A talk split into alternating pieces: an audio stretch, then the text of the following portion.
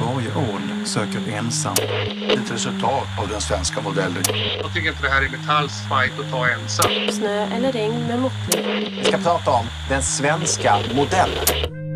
Frågor och svar om arbetsmarknaden och den svenska modellen. Från TCO. En del företag vill ju inte ha det här av ideologiska skäl. Hur ska man göra med dem? Ska man tvinga dem trots att de inte vill? Man får alltid fråga den individ som, som har gett uttryck för en viss uppfattning. Men, men jag tror att det i grund och botten är otroligt ovanligt att någon i slutändan faktiskt tycker alla andra ska göra precis som jag säger, jag ska bestämma allting och, och faktiskt på riktigt tycker det och är beredd att stå för det. Jag heter Mattias Dahl och jag är vice VD med ansvar på arbetsmarknadsfrågor på Svenskt Näringsliv. Det kan vara en inställning man har i en viss sakfråga eller flera utifrån ett förhandlingsperspektiv eller man säger det bara. Men om liksom, det sätts på sin spets och man sa, men okej, menar du verkligen att hela samhället och alla ska så att säga böja och köra bara för att du säger det? Så är det ju inte. Eh, utan man behöver hela tiden förhålla sig till att eh, i det mesta så behövs det uppnås kompromisser och det finns spelregler som alla måste hålla sig till. Sen är det naturligt, jag menar om jag äger ett företag, har driv, startat det, drivit upp det, det är mina pengar ja men då är det ju mitt. Det är klart att jag ska få bestämma väldigt mycket kopplat till det. Samtidigt så, så är det ju viktigt tänker jag då att vi gemensamt förmår förmedla fördelarna med just den modell som också handlar om ett större inflytande faktiskt, eh, skulle jag säga, än om vi hade lagstiftning. För det är ju alternativet. Jag heter Therese Svanström och är ordförande för TCO. Att partsmodellen och den svenska modellen innebär ett större inflytande men att vi har som en norm på den här arbetsmarknaden att vi eh, tillsammans i ett gemensamt eh, kompromissande och givande och tagande hittar reglerna för, för Eh, just din verksamhet att det ska funka även här. Så att jag, jag, det där är lite viktigt att vi också eh, pratar om vad eh, när det kan uppfattas som en pålaga med kollektivavtal så ska man nog ställa det då i relation till vad alternativet är eh, apropå ja, olika modeller.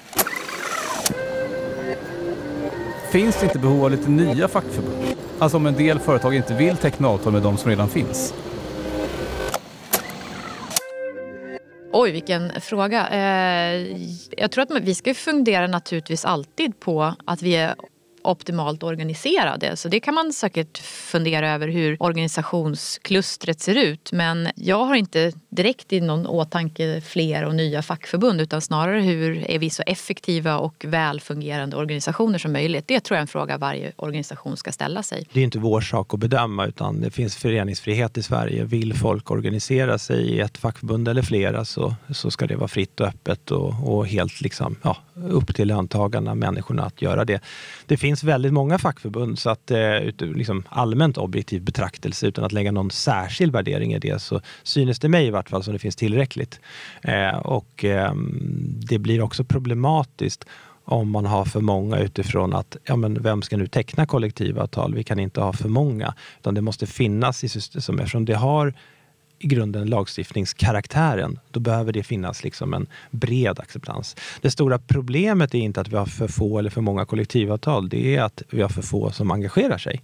Exakt. Det vill säga är med i facket. Mm. För vi är starkt beroende av att det finns en välorganiserad fackförening som vi möter som på ett trovärdigt mm. och bärande sätt orkar ta hem grejerna och kan eh, legitimera och säga att men, inte alla, men en stor majoritet är med och står bakom det här. Det här är en rimlig balanserad uppgörelse. Skulle fackförbunden hamna ja, som är på europeiskt snitt, ja, då är man inte relevant eh, i samhället och då skulle inte politiken heller säga med, med liksom demokratisk förankring och rättvisemässigt, ja, men det är rimligt att ni reglerar det här. Ni representerar i och för sig bara 15 procent, men ni kan få den makten.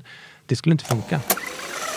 Förutom de organisatoriska frågorna tror jag man kan lägga lite mindre energi och vikt på. Det gäller ju både arbetsgivarsida och arbetstagarsida att uppvärdera eller liksom jobba med eh, organisationsgraden i våra organisationer. Det är ju det bärande för modellens legitimitet. Så det, det gäller ju ömsesidigt. Att vi, och det är ju unikt ur ett svenskt perspektiv att vi både haft en sån hög organisationsgrad fackligt men också på mm. arbetsgivarsidan. Det, det finns mm. ju ingen annan, inget annat land som har det. Så är det verkligen.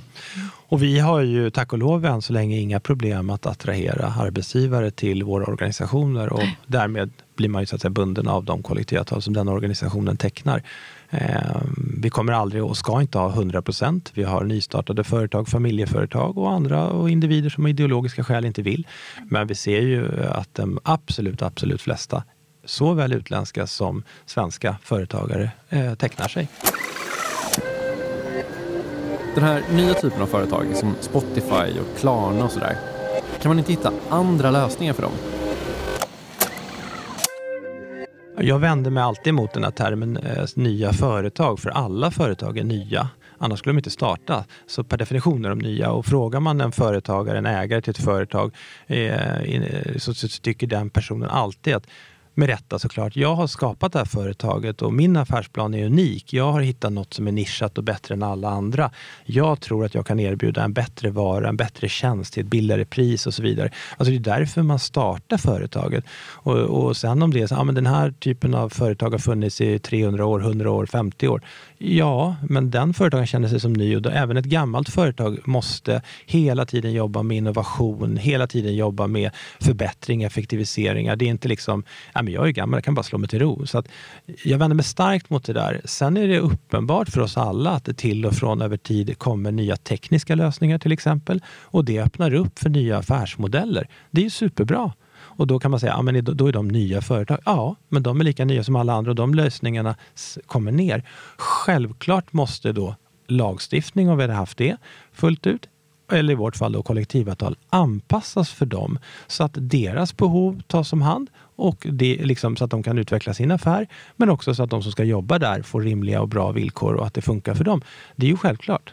Annars Men det är ju själva inte. kärnan i hela modellen. Eh, Det är ju därför vi har många olika kollektivavtal. Att, det, att vi, eh, när det kommer nya företag eller vad man nu väljer att kalla dem, ett företag helt enkelt, Ja. som vill värna villkoren genom att teckna ett kollektivavtal, hitta lösningarna som passar för den verksamheten eller den branschen. Det är därför Yes. vi har 700 olika avtal. Så att eh, det är liksom hela, hela grejen med modellen. Så jag förstår inte den här, jag tycker den frågan är det ligger i sakens natur. Det ligger i den svenska modellen att hitta lösningarna via en överenskommelse i kollektivavtal för den verksamheten. Så är det. Sen är det ju som sagt, och som du säger Therese, det är 700 avtal och väldigt många människor. Det är inte en perfekt modell.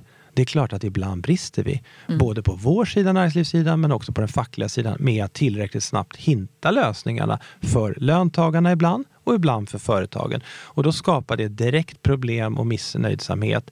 De fackliga blir irriterade och säger men vi har ju tryck i den här frågan, så här ser verkligen ut för våra medlemmar. Varför kan inte avtalen anpassas efter det? Vi har ju nu yrkat på det här en, två avtalsrörelser och det blir bara nej från arbetsgivarsidan. Vad är det här? Skapar stor irritation. Sak samma på arbetsgivarsidan. Eh, så att eh, vi har alltid ett jobb att göra och vi är inte alltid liksom bäst i klassen. Så är det.